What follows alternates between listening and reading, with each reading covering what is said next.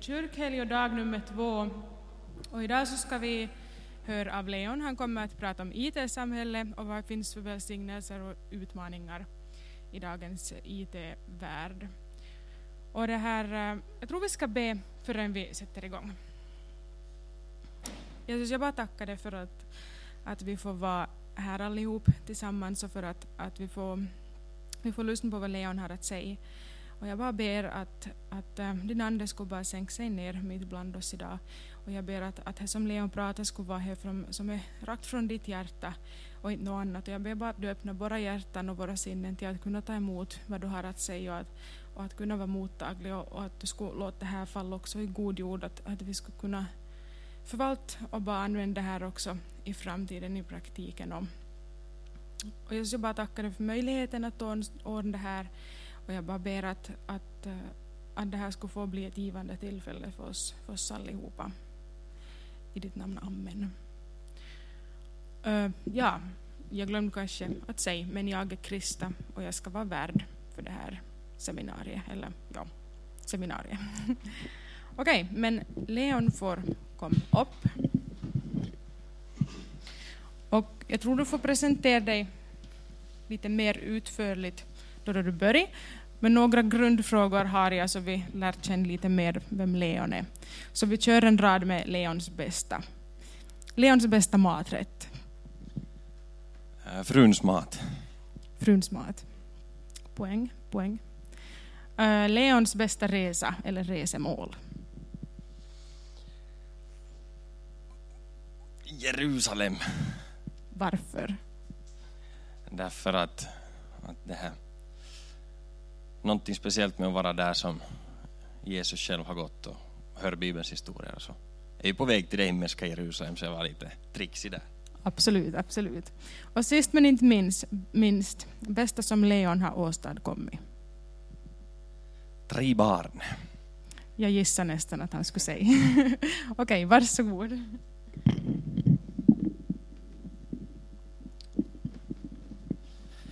Tack så mycket. Roligt att vara här med på kyrkhelg. Jag heter Leon Jansson och, är hem här från Karleby. Och det här, eh, till vardags så jobbar jag som verksamhetsledare för Förbundet Kyrkans ungdom. Vi är en av medarrangörerna för kyrkhelg och vi har office i, i Nykabi. Och vi ordnar en, en del evenemang som det här och sommarläger i Pieksämäki och läger för ungdomar för att fördjupa och väcka tron i vårt land. Det här... Eh, ja... Dagens tema, Fångad i nätet, om välsignelser och utmaningar i dagens IT-samhälle. Jag har förberett en, en hel del, men jag skulle gärna fråga här direkt i början. Jag hoppas det här får mynna ut i god diskussion också. Var det någon av er som vågar här säga lite, vad har ni för för frågor? Vad vill ni veta? Vad har ni på det sättet för förväntning här idag? Finns det något tema ni önskar vi ska komma in på så kan jag kanske också lite glida in på sånt i presentationen. Har vi några speciella brännande frågor här genast i början? Mobilberoende. Bra, det ska vi, det ska vi komma in på. Yes. Något annat?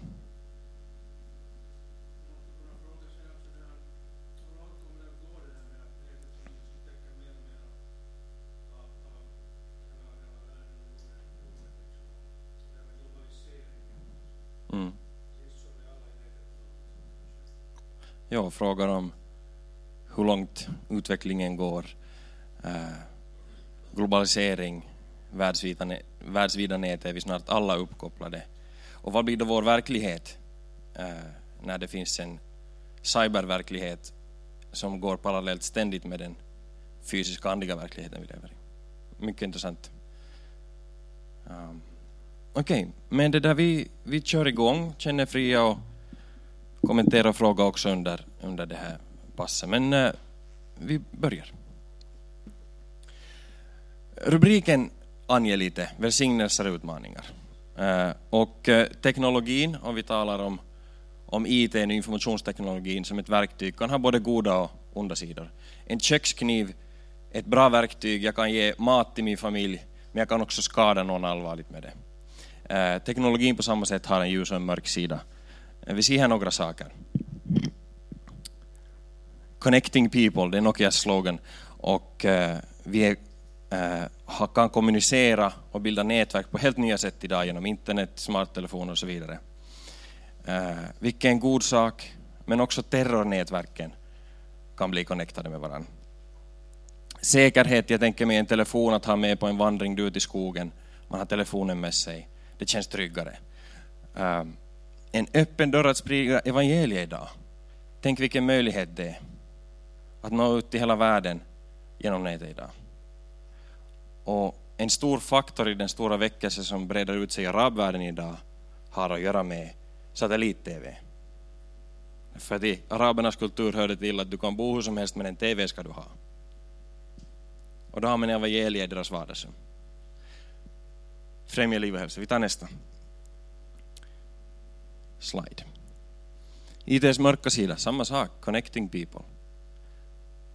Men då är det terrornätverk, eller goda och, och dåliga idéer som sprids lika mycket. Beroenden kommer vi att komma in på, informationsöverflöd, eh, risker med, med överanvändning av internet som tar ner på vår kapacitet till empati, fokus med mera. Vi går vidare. För att nu närma oss sen då, att hur vi ska navigera vår värld idag som förändras väldigt snabbt och hur vi ska hantera IT och de verktyg som finns till handa. Så ska vi först ta och se på, på historien och vi ska ta och se på teknologi överlag. Teknologi i Bibeln.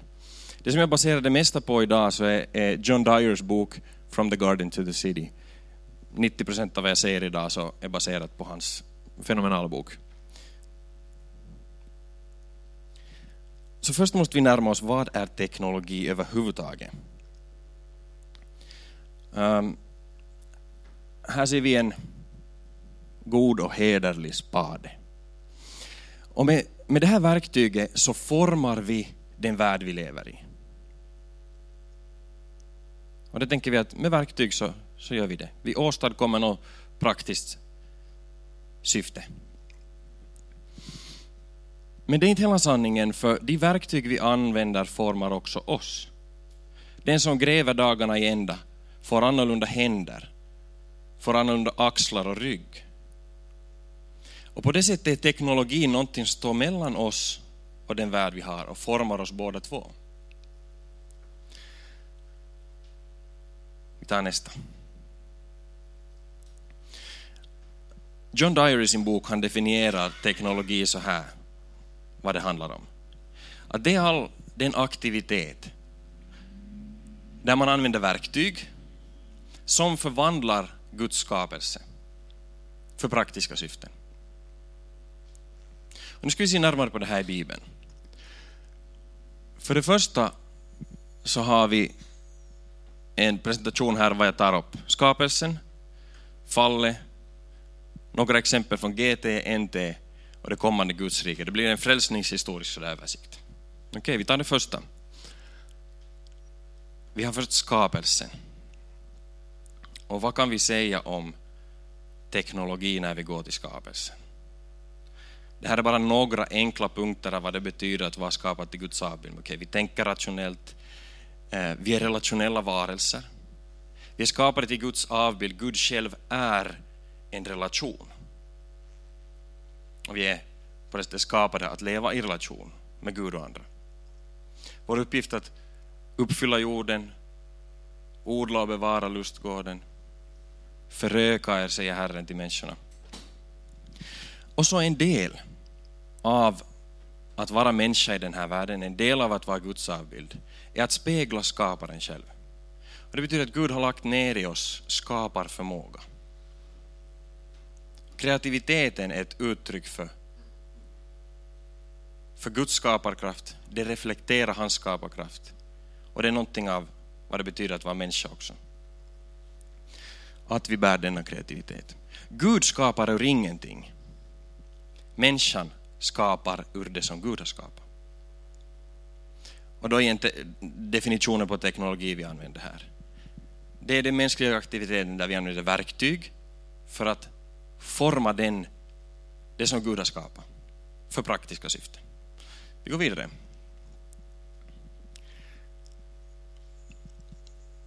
Teknologin är en slags bro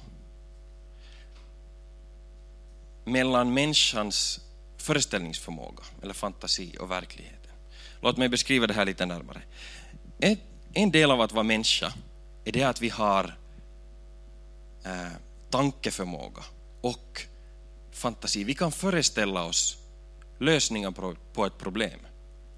Vi kan föreställa oss alternativa sätt att göra saker eller ett annat sätt att möblera det här rummet. Och om vi använder vår fantasi, jag menar inte fantasi som en, som en flykt från verkligheten, utan jag menar fantasi som människans förmåga att, att eh, äh, föreställa sig alternativa sätt att se, alternativa sätt hur världen skulle se ut. Okay. Äh, eh, om jag skriver en bok om, som är science fiction, eller jag skriver en saga, så har jag föreställt mig en annan värld. Och när du läser boken kan du ta del av en annan värld. Men det är fortfarande inom verklighet. Teknologins funktion är bron, bron mellan människans förmåga att föreställa sig att det blir verklighet. Steve Jobs föreställde sig en värld där vi är eh, connectade med smartphones. Och teknologin gjorde den världen till verklighet. Så det, det är hur teknologin funkar, det är bron mellan människans skaparförmåga, fantasi, till en verklighet. Och så är världen formad. Guds skapelse är formad och förändrad. Okej, okay.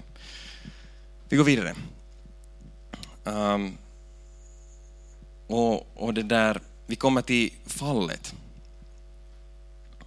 Och före det så vill jag ännu säga att, att på något vis skapelseberättelsen och det att vara skapad till Guds avbild, så tycker jag att det är inte långt ifrån en, en, en, liksom en, en bekräftelse på det goda i människans uppfinningsrikedom, kreativitet och därmed också en del av teknologin som en del av Guds goda tanke och skapelse för oss. Fallet sen igen, där har vi också någonting om teknologi. Vad kan vi se där? Ehm, fallet har att göra med människans uppror mot Gud och brustenhet.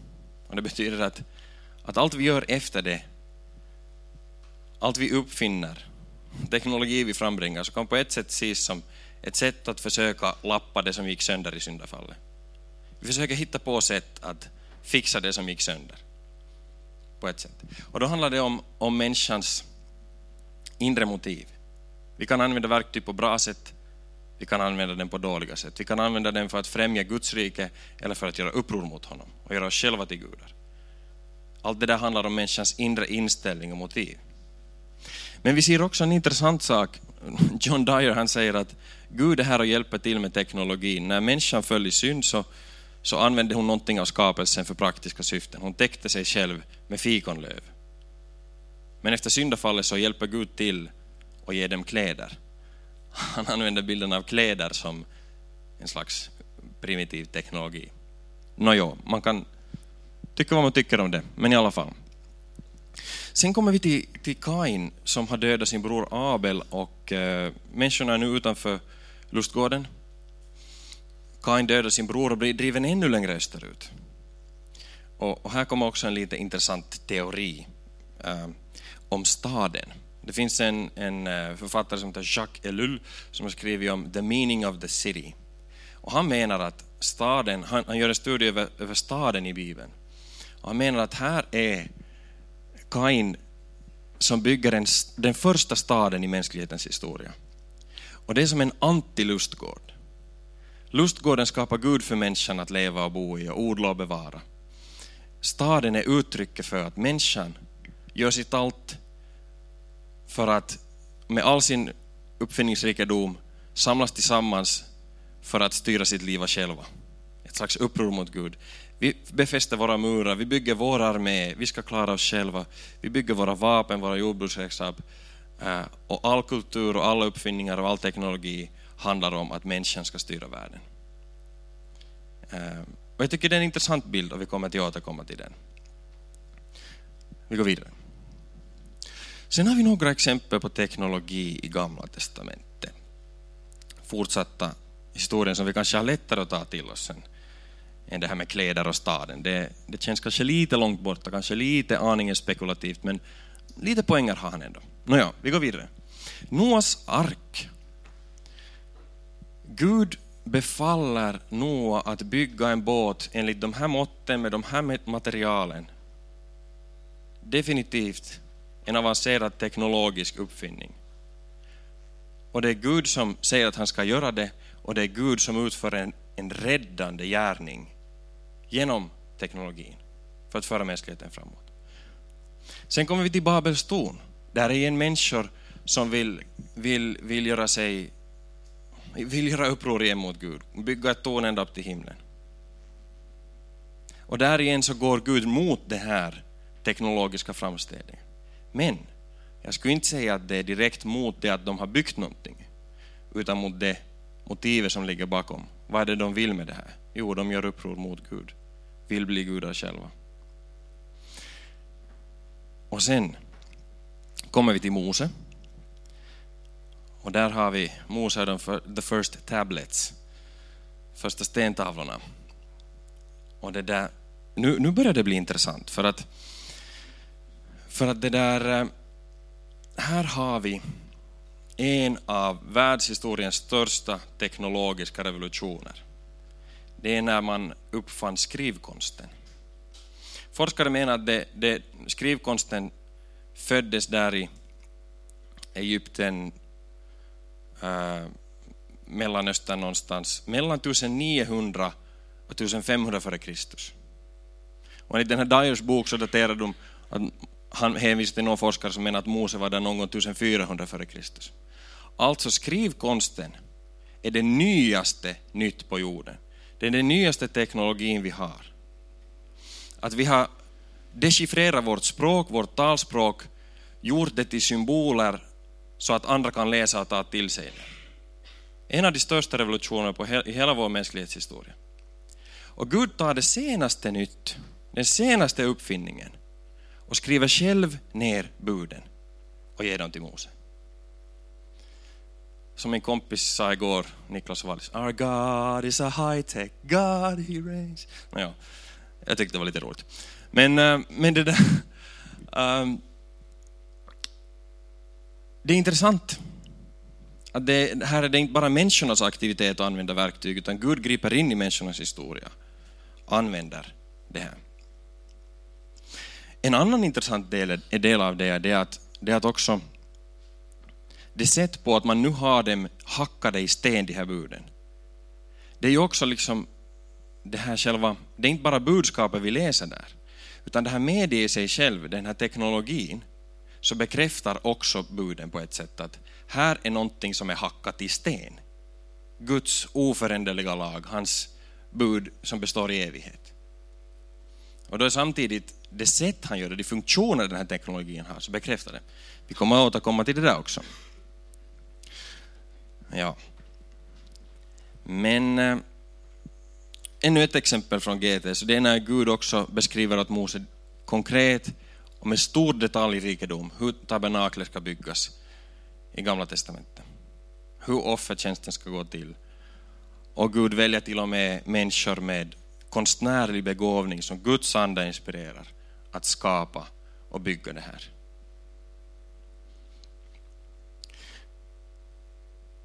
Vi går vidare. I Nya Testamentet sen så har vi igen flera uppfinningar som, och, och det där, ny teknologi som, som så att säga används för att föra Guds rike framåt. Vi har det romerska vägnätet som är, är, är mycket till hjälp för hur apostlarna färdas runt om och evangeliet sprids snabbt till många länder. Det är en uppfinning, en slags teknologi. Skrivkonsten igen. Apostlarna börjar skriva ner berättelsen om Jesus. Johannes skriver i Andra Johannesbrevet 12 så här. Fast ni har mycket att säga till er vill jag inte göra det med papper och bläck. Jag hoppas istället kunna komma till er och tala direkt med er så att vår glädje kan bli fullkomlig. Och det här är intressant för att han uttrycker att, att den vanliga ansikte mot ansikte gemenskapen vi kan dela, då är vår glädje fullkomlig som människor. Skrivkonsten, den teknologin att skriva ner det på papper, sända det att någon annan läser det, det är inte samma sak. Han säger att jag, jag har mycket jag vill säga, men jag vill inte säga det på det här sättet, för vår glädje är fullkomlig när vi möts. Men ändå använder han det. Ändå använder apostlarna. Så de tar till sig den nya teknologin, de använder sig av vägnätet och det här. Men fortfarande så vet de någonstans att allt det här nya det är inte nödvändigtvis det bästa, men det går att använda. Den fulla gemenskapen och fulla glädjen är när vi möts tillsammans. Ja. Och sen kommer vi förstås till, till Jesus själv. Och det där, han skriver inte ner någonting, det är hans apostel som skriver. Men eh, det finns en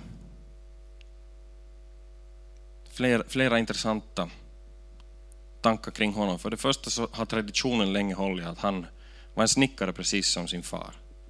Hantverkare, jobbar med trä, jobbar med verktyg, spikar och så vidare. Teknologi i viss mån. Och det där... Och så tänker vi oss att Jesus, snickarens son, Jesus Guds son, Gud som hade talat och det blev till, Gud som hade sagt, träd blir till, fåglar, fiskar, allting. Han hade skapat alla träd. Och nu tar människorna och reser upp ett trä. Det som Gud hade givit liv till den här världen, så tar människan och gör till ett verktyg. Låt mig igen använda ordet teknologi.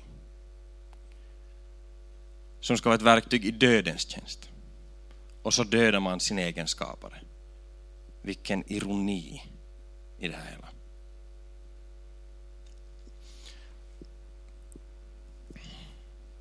Men det visar på att, att det där eh, Gud har makt att ta till och med människans äh, mest destruktiva påhitt och vända det till någonting gott. Jag talar om, om korset nu. Att, att eh, till och med den teknologi vi uppfinner som är för destruktiva syften kan Gud använda för sina goda syften. Um, och när vi ännu blickar framåt från Jesus och, och vart vi är på väg, den kommande himmelriket, den kommande staden, så, så vad, vi, vad som utlovas om, om, om ska vi säga, det himmelska hoppet är att Gud ska förvandla de här kropparna till uppståndelsekroppar. Som Jesus fick en uppståndelsekropp. Vi tror på kroppens uppståndelse. Det är inte bara ett flummigt liv efter döden utan ett kroppsligt liv efter döden. Så som Jesus hade en, en kropp, ska också våra kroppar uppstå. Vi bekänner dig i vår trosbekännelse varje söndag. Också den här världen, äh, skapelsen, Romarbrevet 8, den suckar och våndas och, och väntar på, på, på sin förlossning och på Guds barns härliga frihet. Också den här skapelsen har Gud lovat att upprätta. Och det intressanta är att den bild som målas av det hopp vi har är inte en, en ny lustgård. Inte ett nytt, eh, ni förstår, inte så att säga restaurerat Eden, utan det är en ny stad. Och om vi tar då igen Kainstad från begynnelsen som symbolen för människans uppror, våra uppfinningar att själv försöka råda bot på syndafallet. Och vi tar korset, Gud skapar levande organismer och träd som människor gör till teknologi i dödens tjänst. Så det här är ju bilden för Guds storhet och Guds godhet. Han tar det som, som till och med verkat för onda syften och vänder det till någonting gott. Och John Dyer menar att, att vi ska i, i, i den värld som kommer, himmelriket som kommer, Guds rikes fullbordan, så kommer vi att få, få se en upprättad skapelse. Vi får upprättade människor. Och också något av det människor har hittat på får rum i den nya skapelsen. Förstår ni? Och jag tycker det är en intressant tanke. Så som sammanfattning, när vi nu har gått igenom bibliskt material och teknologi, det så, så ser vi att det är som ett, ett verktyg. Det är ett uttryck för hurdana vi är som, som skapade till Guds avbild. Det finns något gott i det, något som är helt bra med det. Men det kan också användas för, Guds, för, för onda syften. Och det stora är att Gud kan återlösa det vi människor hittar på som är till skada för oss. Han kan vända det till någonting gott. Yes, vi går vidare. Um, nu kan man ju tänka sig så här då. Två, två sätt nu, vi ska snart börja närma oss vår värld idag och, och själva IT-samhället. Nu kan man tänka sig på två sätt när man närmar sig teknologi. Det ena är det, teknologin kommer att leda till världens undergång. Hittas på så mycket dårskap så att teknologin leder till världens undergång. Och felslutet man där gör är det att teknologin är inte en person, teknologin är inte ett handlande subjekt. Det är inte teknologin som kommer att göra någonting. Förutsatt att inte någon skulle komma på artificiell intelligens. Men dit, dit går det inte in på. Eh, det är inte någon som jag sysselsätter mig hela med att tänka på. Men, naja. Det är ena sidan. Det andra sidan är att nej men, allt som är nytt och all utveckling är bra. Det är bara ett verktyg, det är bara att använda. Det kan användas till goda eller onda syften. Det är bara att använda vettigt. Men jag skulle säga att båda de här sätten att förhålla sig till teknologin så är inte varken deras är helt bra. För vi behöver vara medvetna om det att, att, att det är inte ett verktyg som är neutralt. Så att det, det är inte någon skillnad hur vi använder det eller, eller det är bara att använda det gott. Därför att teknologin för med sig vissa tendenser och vissa funktioner som formar våra liv, om vi vill det eller inte, skulle jag nästan vilja säga. Ehm, det är inte bara det att, att teknologin, om vi tar en bilden av spaden, att vi formar jorden och verktyget formar oss. Det är också någonting som händer socialt sett när tillräckligt många människor har samma verktyg i handen. När alla har spadar, eller när alla har smarttelefoner. Då börjar vi bete oss på ett visst sätt. Och, och, och vi ska ta och se lite på vilket sätt det här påverkar relationer, tänkande, värderingar av olika teknologier. Så vi ska ännu ta lite historia före vi landar idag, för att hjälpa oss att tänka klart när vi utvärderar hur vi lever, vilka val vi beträffar idag i IT-samhället idag. Så, vi går till eh, hur, hur det påverkar oss, teknologin, med eh, vårt tänkande. Så till exempel när man har börjat skriva böcker, boktryckarkonsten. Och böcker kom någon gång från senare halvan av 1400-talet, började komma till massorna. Så det är för det första en teknologi, inte sant? Och det där, eh, jag då kommer man tänka, är det ett verktyg att det är bara att använda det bra eller dåligt? Men det är inte det, för att boken har en funktion eh, och vissa tendenser i sig. Låt mig förklara. När, när man skriver en, en, en bok så, så, så har man struktur och logik i det. Och, och det där, när man trycker upp flera upplagor så är alla exakt lika. Om vi ser på det här exemplet använder John Dyer. Tidiga kyrkofäder, hur de tolkar Bibeln, så då har man ofta en allegorisk tolkning. så här, att man, man liksom istället för att läsa om Jerusalem så läser vi om Rom. Eller liksom att, man, att det här är symboler för det och man kan istället överföra det på, på, på den här situationen eller, eller så allegorisk tolkning. Jag vet inte hur jag skulle förklara det på annat sätt. Man kan ta, eller ja, alltså man kan se det som en symbolisk tolkning i enkelhet.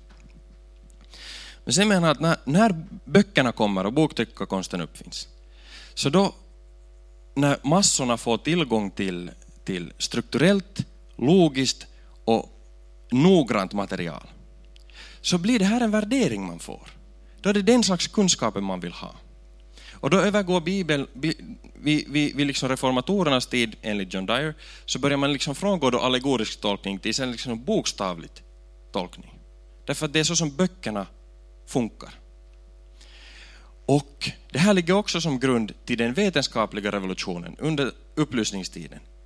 Då när allting ska vara precis, exakt, det ska gå att mäta och man har det här logiska tänkandet som har kommit från att böckerna har kommit till. Förstår ni? Och då har människornas tänkande förvandlats därför att man har tagit till sig den här teknologin. Därmed är inte ett verktyg bara jag kan använda gott eller ont, utan det påverkar hur du ser verkligheten. Hur, vilka banor du tänker. Det här är viktigt. Vi går vidare. Um, känslor och, och, och hur, vi, hur vi det där, eh, ja, våra emotioner. Kamerans uppfinning sedan mitten av 1800-talet, så, så det där har, vi, har givit oss bilder. Och, och, och i, i, fotografier, givetvis. Och det där, eh, man säger att en bild säger mer än tusen ord, men, men, men det där, John Dyer menar att det rätta uttrycket borde vara att en bild säger mer än tusen känslor. Det är vad bilder gör, egentligen att det väcker känslor. Jag kan skriva om att fattiga barn lider hunger i Afrika. Och du får det som, du läser det här som jag skriver. Okej. Okay. Eller sen ser du foto av ett hungrande barn i Afrika. Och det är garanterat att det väcker mera känslor, ett foto, än de där Um, ehm, och det där, på samma sätt, så det där, när vi lever i en högt visuell värld idag, så är det också någonting som formar hur vi känner och reagerar helt emotionellt på det vi får ta del av. Och samma sak, en man eller kvinna som börjar använda en kamera börjar också se på verkligheten på ett annat sätt. Den uppfattar det här rummet och ser ljuset på ett helt annat sätt än jag som är inte fotar. Jag har vänner som fotar och de pratar om hur ljuset kommer in och när ljuset är nog bättre då vid niotiden. Jag bara, vadå? Så där ser man också det är inte bara ett verktyg som man kan använda för gott eller ont, utan det påverkar hur du ser, tänker och känner. Nästa sak. När en, en, en nytt teknologiskt, ny teknologi lanseras och kommer in i ett samhälle så, så vet man kanske inte heller alltid vart det leder. Först med tiden ser man hur det, hur det formar ett samhälle och en kultur. Um, men också relationer påverkas. Så om man går tillbaka till en tid av, av oralkultur där, där man inte har skrivit ner böcker, historia, filosofi, någonting. Så då är det ju det att de som är äldst i gruppen har samlat mest erfarenhet och visdom och alltså är de de mest respekterade, det är de man går till med sina frågor.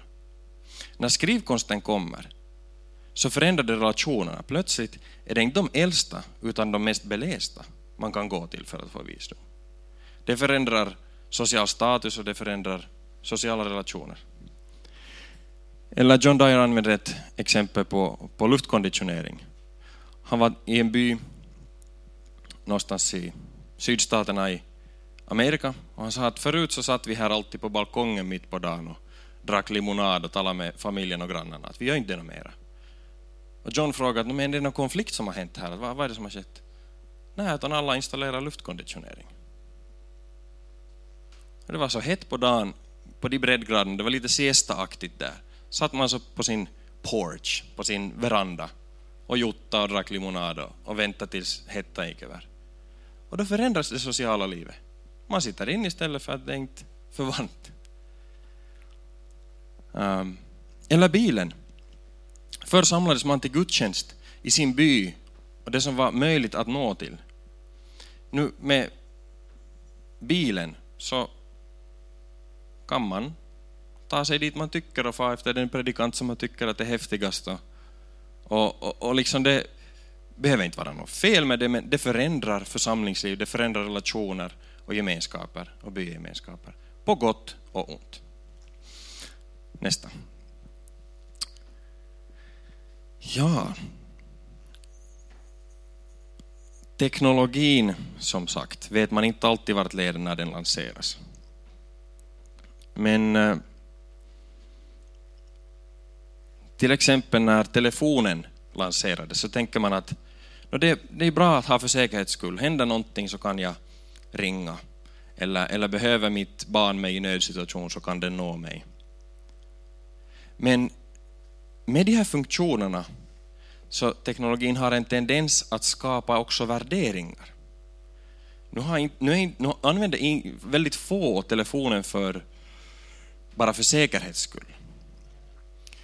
Ähm, uh,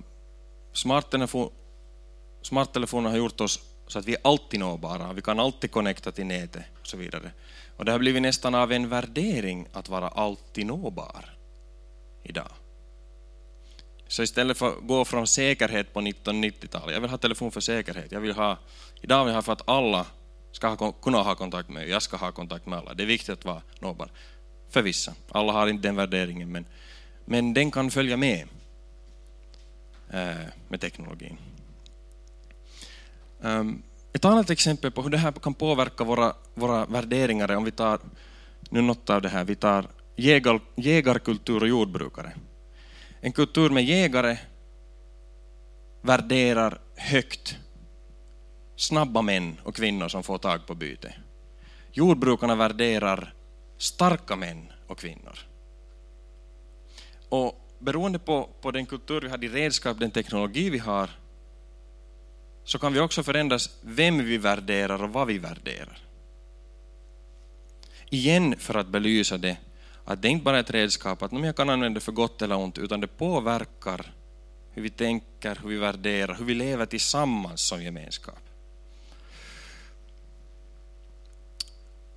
Sociala medier, vi kan komma in på det, men, men, men vi har en väldigt individcentrerad kultur redan från förr, men, men det finns också tendenser i att, i att ska vi säga selfiekulturen, att, att man blir överorienterad mot sitt eget jag och hur man presenterar sig. Eh, de tendenserna finns också, vi ska ta, komma till det sen. Nåja, ta nästa. Ja, vi kan direkt ta nästa slide. Nu börjar vi komma till, till IT-samhället och internet-eran istället. Um, jag vill öppna här lite för några, finns det några frågor här nu i det här skedet? Kommentarer? Nej? Frimodigt bara sträcka upp en hand om det behövs. Vi går vidare. Okej, okay, så med internet så har vi liksom en kombination av många gamla medier. Vi har eh, telegrafens snabbhet att förmedla information från en kontinenten eller liksom en, en av en kontinent till en annan och vi har telefon, kamera, bok, allt i ett. Så det finns liksom mycket, det är ett mycket starkare, mera effektivt redskap. Och därmed också större kraft i både gott och ont.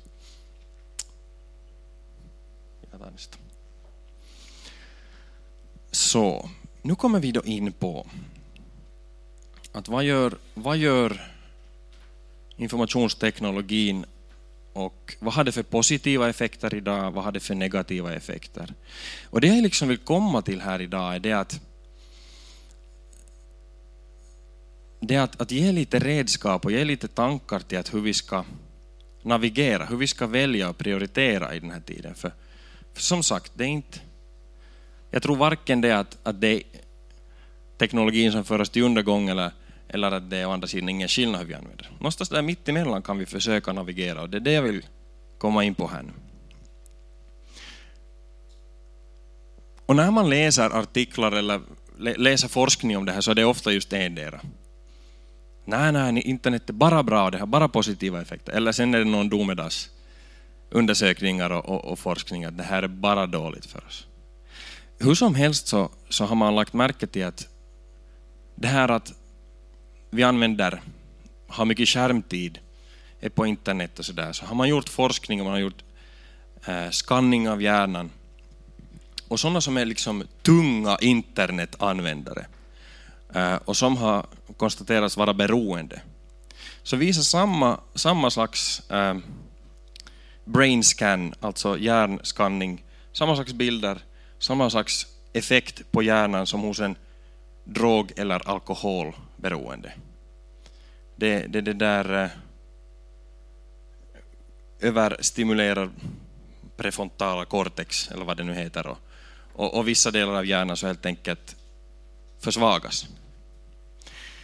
Um, så, så, det är någonting som, som är ett faktum och någonting som, som inte betyder att man ska sluta använda internet, men som, som ändå, det, det kan vara en negativ sida. Uh, vi tar nästa. Eh, det att vi har internet så påverkar också vår syn på verkligheten. Om boken medför ett annat tänkande, om kameran inför ett annan syn på hur man tar in världen, så är också den här synen på verkligheten förändrad. Plötsligt så är det inte så långt till Kenya. Förr var det, kändes det som på andra sidan jordklotet, det tog månader att ta sig dit. Nu kan jag ta upp min telefon och på tio minuter har jag min biljett och jag kan åka iväg imorgon. Och jag kan ha uppdateringar av kompisar därifrån. Liksom världen är mindre. Och nu har vi en annan syn på verkligheten på det sättet. Idag. Um, uppfattningen om tid och rymd är också annorlunda när jag har smarttelefonen i fickan. Um, som sagt, avståndet är mindre. Tiden är också annorlunda därför att um, jag är van med att få allt jag vill. Jag har tillgång till all världens kunskap och jag ska få allt jag vill och det ska gå snabbt. Och eftersom funktionen är det att, att det går att få det snabbt så blir min också förväntan på livet att allt ska gå snabbt. Går det inte snabbt så är någonting fel. Så kopplar inte det här till internet nu så börjar jag snart hacka det här bordet för att jag har rätt att komma på nätet. Det ska inte ta 25 sekunder. Tänk liksom vilken förväntan man har på livet. Och det är bara för att de här funktionerna finns för oss och så ökar vår förväntan med det. Sådana här tendenser finns inbyggda i vår uppfattning om tid och rymd. Uh, och det är något vi ska ta i beaktande. Um, synen på verkligheten är också, augmenterad verklighet talar om det att eh, vi, vi, vi till exempel spelar Pokémon Go och plötsligt så är här en, en, en, en, en verklighet som läggs på den verklighet som finns här från förut. Plötsligt finns det också Pokémons mitt ibland oss. Är två eller tre samlade, nej, jag ska inte gå vidare på idéerna. Eh, men ja, så det här, eh, det här påverkar oss också. Um, och det som, det som jag inte sa här när jag pratade om, om neurovetenskapen, så det, det är också det att vår, vår, vår hjärna formas av, av det, vi, det vi håller på med. Så som våra muskler formas av, av att upprepat göra vissa övningar, så, så, så menar Nicholas Carr, bland annat, och många andra hjärnforskare, att de mentala uppgifter, det vi gör med vår hjärna, upprepade gånger, också påverkar hur vår eh, hjärnas neurokopplingar dras. Och vi blir bättre på ett sånt sätt, vår hjärna blir bättre på det som vi upprepat håller på med. Så är det det att vi hela tiden tar in snuttifierad info, Twitter, feeds, Facebook-status, korta klipp, hela tiden kort smått, så blir vi bättre på det och vi klarar bättre och bättre av det. Men det kan betyda att ta in en bok, långa resonemang, fokus och koncentration en längre stund på en enda sak blir allt svårare. Och det här är något som igen är viktigt att vara medveten om, att det vi övar och det vi sätter vår tid på med vår hjärna formar vår hjärna. Och vi blir bättre på just det. Och det är bara något som är viktigt att vara medveten om. Vi går vidare. Um, det här är en annan tanke jag hade när vi har, och kanske lite in på det, när vi har internet, vi har all den världens kunskap som finns till handa som folk förut skulle både ha betalat allt de hade och till och med döda för, för att få så mycket kunskap som vi har tillgängligt idag. Det finns för just ingen, ingen kostnad alls till hans. Ehm, men, men vad, vad händer med vår uppfattning om att Eh, vara begränsad eller obegränsad? Vad, vad är realistiskt och vilken förväntan har jag på livet när jag har tillgång till allt här snabbt? Um, och är det en orsak till mycket av, av eh, stress och utbrändhet? Det? Att man förväntar sig också själv att kunna hänga med och klara av allt. Därför att jag är obegränsad med nätet. Jag bara frågar mig. Mm, kanske kan diskutera det här, jag vet inte. Kan det vara en bidragande faktor? Och kan det vara så att vi har svårt att inse att jag är en begränsad varelse och det är okej? Okay? Jag har den här kapaciteten, jag ser hela tiden andras vackra Instagram-feeds och vad de gör och vad de klarar av. Och jag borde ständigt utvidga mig själv, jag borde ständigt nå flera efterföljare, jag borde ständigt... Därför att det är obegränsat, det finns inga begränsningar. Men faktum är att vi är människor i Guds värld och vi har begränsningar och det är okej. Okay. Um, och här predikar jag väl kanske mest åt mig själv. Um, därför att jag tycker mig se den här tendensen åtminstone hos mig själv. Ja, vi tar nästa slide. Empati eh, viss forskning visar också på att, att förmågan till empati kan, kan sjunka om man använder hemskt mycket eh, liksom ens kommunikation och relationer till människor är liksom mer online än offline. Um, det var en komiker jag såg på, såg på nätet som hade ett roligt exempel att, att barn kan säga otroligt fula saker åt varandra. Man kan säga liksom, du är ful. Och, och det är för att barn testar allting och ser var går gränserna. Uh, och, och, och det där. Man helt enkelt prövar sig fram tills man hittar var, var gränserna är liksom vettigt sätt att bete sig på. Så säger man att du är ful åt en kompis och man ser kompisens ansiktsuttryck, hur ledsen den blir. Och det känns dåligt. Och förhoppningsvis märker man att det här var inte bra, jag ska inte se det på nytt. Förhoppningsvis ber man om förlåtelse och så vidare. När du far på, nu ska jag inte säga Facebook, för det är inga tonåringar som är det på Facebook, men något socialt medie som nu några ungdomar använder. Om man säger att du är ful åt någon där, så är det bara, ah, det här var ganska kiva. Att, att liksom, för, för, du får aldrig kroppsuttrycket som ger dig feedback tillbaka, utan du bara, ah, jag är lite elak, ah, du är ful. Och, och, och, och det betyder att där har man en, ett glapp mellan när man inte ser någon ansikte mot ansikte, som kan minska empatin. Vi vet hur mycket näthat, nätmobbning, hur mycket fult man kan säga. Du får aldrig feedbacken att se någon i ögonen när du säger det du säger. Och en regel för vad man skriver och säger på Facebook och sociala medier är att det ska du kunna säga öga mot öga mot person. Ja, vi tar nästa slide. Jag vet att jag målar lite mycket negativa effekter här nu och det, det, är inte alls min mening för att teknologi kan vara lika mycket till nytta som till skada. Det finns också forskning som visar på mycket positiva effekter på videospel.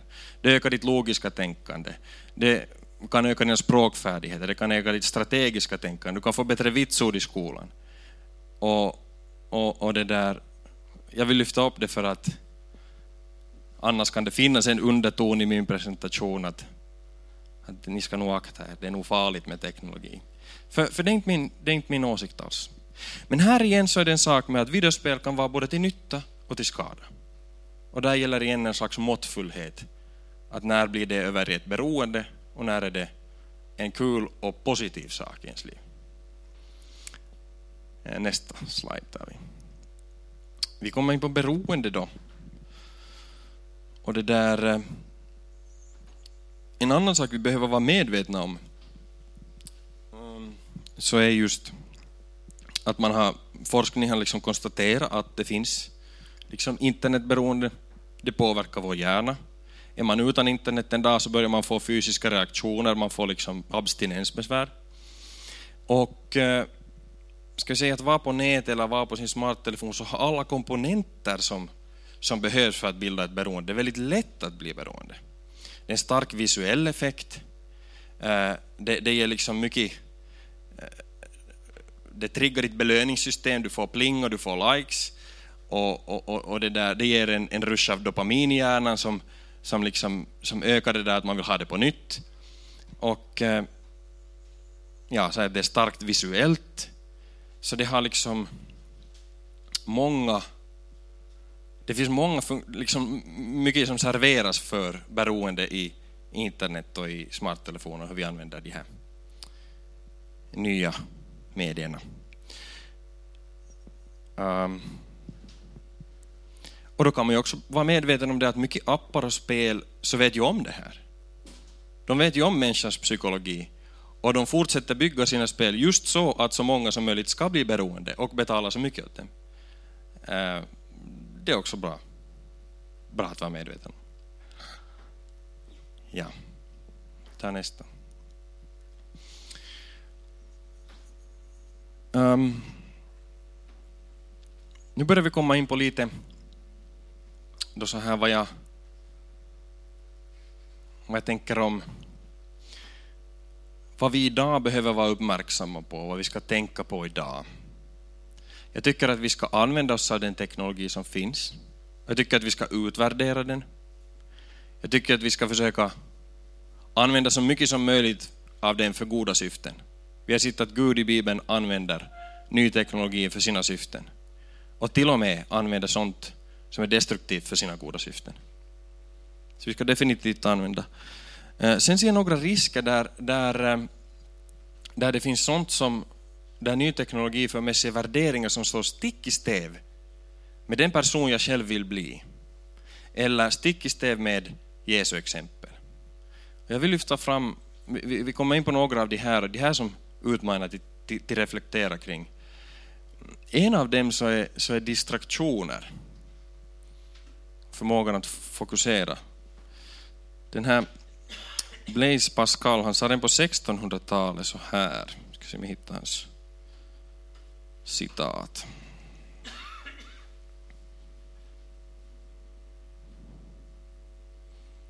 Ett ögonblick.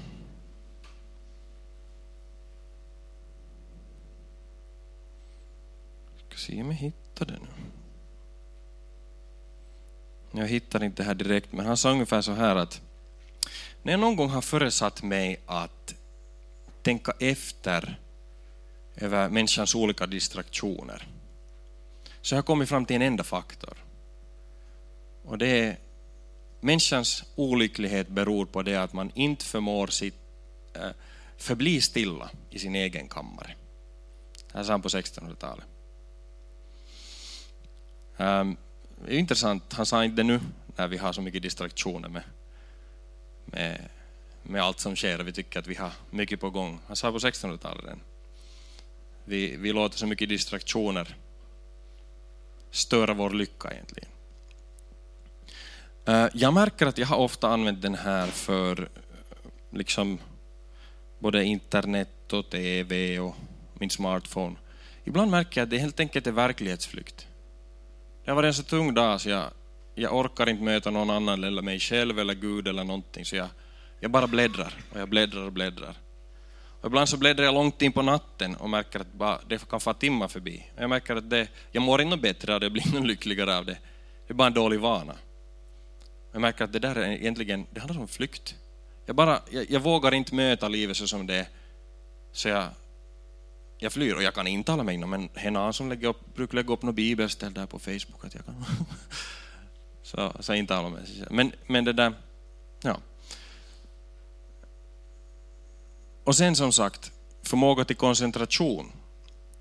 Så kan också, ju mera jag låter mig avbrytas och ju mera fönster jag har öppet på min jobbdator när jag är på jobbet, det har jag lagt märke till, liksom, desto svårare har jag att fokusera längre på en uppgift och göra någonting på riktigt betydande som kräver koncentration. Och det är minskande förmåga idag eh, Calvin Newport har skrivit en bok som heter Deep Work. Han menar att, att det är en minskande förmåga idag och det kommer att vara ytterst värdesatt i arbetsmarknaden som kommer det, att man hittar folk som kan sitta och jobba med en uppgift och göra det där, gräva djupt och sitta där och göra det och göra det färdigt.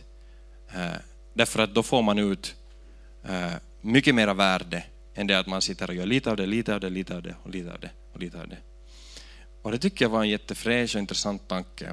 Jag har börjat försöka blocka in mina dagar, mina arbetsdagar också, att här finns tid för totalt ostört arbete. Jag får gräva mig in på den här saken och jag stannar där och jag, för att komma till den nivån som, som jag tänker är mycket mer värdefull än bara, bara att skrapa vid ytan.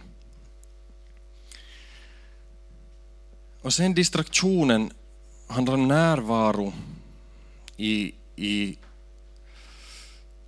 hur mycket, jag beskriver kanske mest mina personliga exempel, hur mycket det är att, att jag har den här som kan plinga i fickan, kan, kan störa min närvaro inför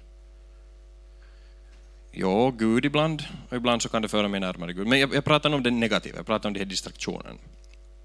Um, men min närvaro för mig själv och för andra. Jag har tre små barn och de har inte något sånt här och de vet inte vad jag håller på med. Men, men jag mär, alltså det har varit så bra att förbereda det här för jag har märkt så mycket som jag har sakta men säkert farit in i vissa mönster, hur jag använder telefonen. Så jag märker att men så här vill jag ju inte leva. Till exempel att, att jag har den här fram när som helst när jag är hemma. Och det betyder att de kommer, kommer fram till mig, ligger på soffan och bläddrar. Eh, och jag vill ha en liten paus, jag vill ha en liten liksom, relief. Jag vill bara bläddra på något hjärndött. Liksom sådär. Och så kommer de och säger pappa. Och jag bläddrar och bläddrar. Pappa! Jag bläddrar, för jag hör inte. Jag har blockat ut den, för jag, jag, liksom, jag är också sådär att jag kan ha selektiv hörsel. Jag hör inte vad alla säger. Men ännu mindre när jag har den här framför mig. Pappa, pappa. Och vad ger det för, jag tänker från min barns vad ger det för bild åt dem? Jo, den här är viktigare än de. Och vill jag ge det? Nej, det vill jag inte. Alltså jag vill hitta något sätt att, att när jag kommer hem från jobbet så då är jag offline. Jag sätter den här i en låda och jag tar den fram på kvällen när de har gått och sova. Någonting sånt här vill jag börja skapa för mig. Eh, och det är inte för att den här är fel, men använder den för mycket så blir det fel. Nåja. Påverka vår närvaro alltså. För andra, för Gud och själva. Ta nästa. Så hur ska vi nu reagera och hur ska vi göra? Um, som sagt, e- e- ena sättet är att gå tillbaka till dumtelefonerna och go amish, som jag skrivit här. Ingen ny teknologi. Eller ska vi inte bry oss? Och det som jag vill här lyfta fram är urskiljning och måttfullhet. Att liksom vara medveten om vad det gör med oss, vad det finns för tendenser, vad som är de goda och bra sidorna. Ha den urskiljningen. Och sen medvetet tänka kring det här, prata kring det här och forma sådana vanor som, och sådana liv som vi vill ha. Vi tar nästa. Här är John Dyers rekommendationer i slutet på hans bok. Han har fem punkter. Han föreslår det här först att, att definiera dina värding, värderingar. Liksom, sök i skriften, sök din identitet och dina värderingar hos Jesus och det, det liv som är gott och det liv som du vill ha. För då har du någonting att jämföra mot det som, det som förs till dig och som kommer med ny teknologi hela tiden. Att du är medveten om det liv du vill ha, det liv, att, att du, du ser Jesu exempel, hur levde han? Och hur kan jag imitera det? Då har, du, då har du någonting så att du inte bara följer med strömmen och alla de nya värderingar som också kommer med ny teknologi. Och sen säger han helt enkelt att experimentera. Man kan fundera hur länge som helst, men prova dig fram. Prova och utvärdera hur påverkar det här mig? Hur påverkar det andra? Sätt fast ett datum när du börjar med en, ett nytt med, media och sen en månad så utvärderar du eller så här. Liksom det att vara vaken kring de här frågorna. Och sen kan du märka att du behöver skapa begränsningar, som jag sa. Vill du ha att du är offline på söndagar, internetsabbat, eller vill du ha att du är offline när du kommer hem från jobbet, eller vill du ha att du är offline när du bestämmer att ikväll så får vi på spelkväll med kompisarna. Vi lägger våra telefoner på ljudlös, nu är vi här för varann. En bra regel med det att vem man är tillgänglig för det är att har du en person mitt emot dig vid bordet och någon ringer på telefonen. Så vem är viktigare då? Den person du har närmast dig är alltid den viktigaste. Eh, det tycker jag är en jättesund regel, åtminstone bra att utgå ifrån. måste man svara alltid när någon ringer genast, eller kan man ringa upp när man har bättre tillfälle? Det är bra att tänka på. Ehm, men det här ena sättet att skapa begränsningar, att okej, okay, någon gång är man offline, någon gång har man på ljudlöst och så vidare. Men jag tycker att det är inte det enda svaret bara att, att nu på något vis kommer teknologimonstren över oss och vi måste på något vis få några lite fickor så att vi är skyddade. Utan jag tycker också det att, att, att när vi vet hurdant liv vi vill ha, när vi ser på Jesu exempel, när vi ser sånt som vi tror att vi mår bra av och tycker om, då ska vi satsa på att göra sånt som till exempel gå ut i naturen. Få fiska, få gå, plocka lingon, få på picknick. Det där att vara ute i naturen gör att du, känner, du är direkt känner att jag är en del av Guds skapelse här. Och när vi får med barnen ut i naturen så är det ingen av oss som, som har något behov av att kolla någonting. Att de, de, de frågar inte efter att se på en film. Jag har inget behov av att kolla Facebook. Jag har inte behov av att ringa någon. Det, det är liksom, och där är vi tillsammans och känner av gemenskapen. Man kan satsa på sådana här uh, man behöver inte bara så att säga gå mot teknologin, utan man kan helt enkelt gå för det som är gott. Ja.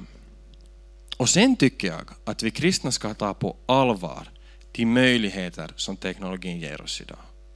Aldrig förr har vi haft en möjlighet att gå ut med evangeliet i den omfattning som vi har idag. Förut tog det enorma ansträngningar, krafter, resurser och pengar att hålla väckelsemöten, att predika, att fara och och det där eh, evangelisera. Idag kan du vara hemma mamma och du har en laptop och du skriver en blogg och du har en hundratusen läsare. Och du kan berätta om ditt liv med Gud och ditt liv med barnen och, och det som är viktigt för dig. Möjligheterna är enorma. Och, och, och, och jag tycker att vi behöver stödja de som jobbar med teknologi, de som jobbar med, med utveckling av teknologi. Och att använda det för goda syften och för evangeliets sak. Yes, vi tar nästa. Um, jag tycker jag har pratat ganska mycket och länge nu. Och det där, jag vill öppna för lite diskussion och frågor. Jag, jag, jag det där um, börjar ska vi säga, knyta ihop här småningom med tre tendenser som jag ser idag med dagens sida som vi behöver vara uppmärksamma på. Det ena var individualiseringen. Vår utveckling i västvärlden med, med välfärd, med bilar, med allt har gjort att vi har en kultur som är mot alla andra kulturer i världen och det är att individen är viktigare än gruppen. Och det där, där har vi någonting där Bibelns budskap är att vi är en gemenskap, vi är en kropp och vi hör ihop. Vi är skapade till Guds avbild som en relation. Ingen av oss ska köra något solo-race. Ingen av oss ska behöva gå ensam, utan vi behöver varann och vi är tillsammans Guds familj, vi är tillsammans Guds kropp. Och vi speglar den treenige guden som är relation. Och vi har redan i vår värld en individcentrering som är helt enkelt onaturlig och ohälsosam. Men jag tror också att den här kan, det finns en risk att den förstärks med, med mycket av det, eh, om vi nu kallar det för selfiekultur, och inte den heller direkt fel att ta foton av sig själv. Det kan också vara helt positiva effekter, men vi har också sett att det kan gå över. Och jag bara lyfter fram som ett tema. Det här är värt att fundera på. En annan sak är just det här med fokus och närvaro. Eh, är vi närvarande för Gud och själva och de människor vi har omkring oss? Och den sista är tidsuppfattningen. Jag var också in på den. Eh, men jag tror att vill vi vandra som Jesu lärjungar, vill vi bli formade, bli mer lik honom, så det är en process som alltid tar mycket tid. Det tar hela ditt liv. Och, och, och liksom vi kan luras och tro när allting är så snabbt med snabb mat, snabb kaffe, snabbt internet och, och snabba belöningar för, för, för det vi liksom gör så, så vill vi att men Gud är ju allsmäktig, han skulle ju kunna på en gång göra det här det här. Och ja, det är han, och ibland gör han sina mirakel på en gång. Men den där formningen att bli Kristuslik, att lära sig tålamod, kärlek, glädje, frihet och det där, det är en process som alltid tar övning och tid och tålamod. Och det är någonting som vi bara måste acceptera. Och det är inte roligt att höra att långsamhet är ett sätt som Gud använder sig av för att föra fram sina syften bland oss. Men, men jag tror att det bara är så. Och, och, och det där, risken när allting är så snabbt är att vi ger upp för tidigt. Vi ger upp just före vi får våra genombrott. Så det där tidsuppfattningen ska vi vara uppmärksamma på. Ja. Pronuncien, nu hade jag nog flera. Ja, vi kan ta nästa. Hade jag några mera slides? Praktiska tips. Vi väntar med det här. Vi öppnar här för lite, lite diskussion. Vad väcker det för tankar? Har ni något, har ni något det där?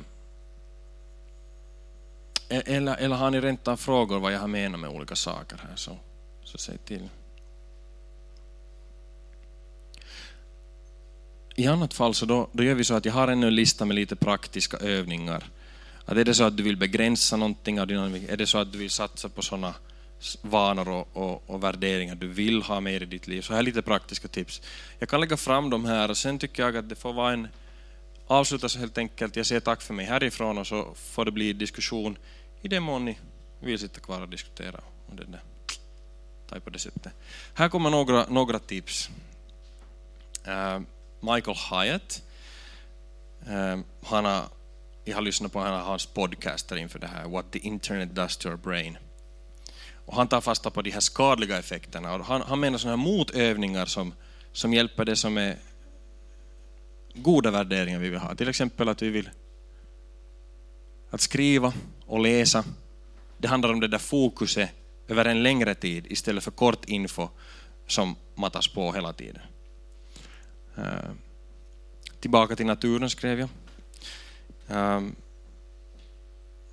jag tror att en jätteviktig sak för, att, för vår hälsa och för oss som människor att vi upptäcker att vi står inte över naturen på något vis. Vi är en del av Guds skapelse, vi är, vi är en del av Guds skapelse helt enkelt. Och att vara ute i naturen har åtminstone för mig blivit ett sätt av att konkret liksom lämna mycket av stress och mycket av mina konstiga drivkrafter och ambitioner.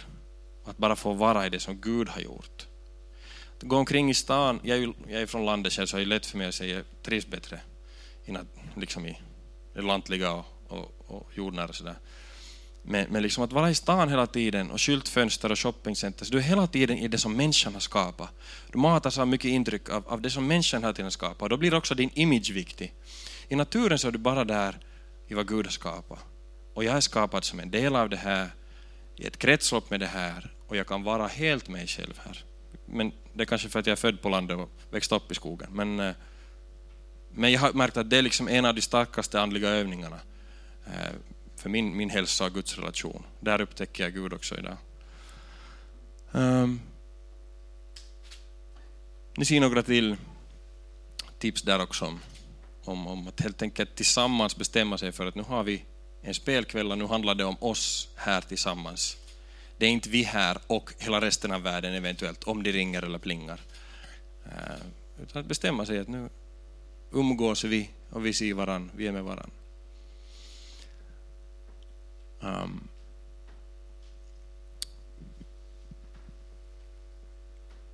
på klick om jag hade något mer. Hade jag något mer? Ja, jag tror det här var sista. Ja.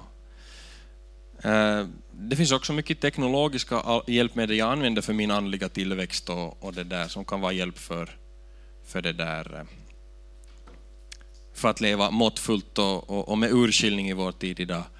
Ehm, um, X3 Watch är en, en software som, som det där um, flaggar alla sajter som är suspekta och som kan ha pornografiskt material.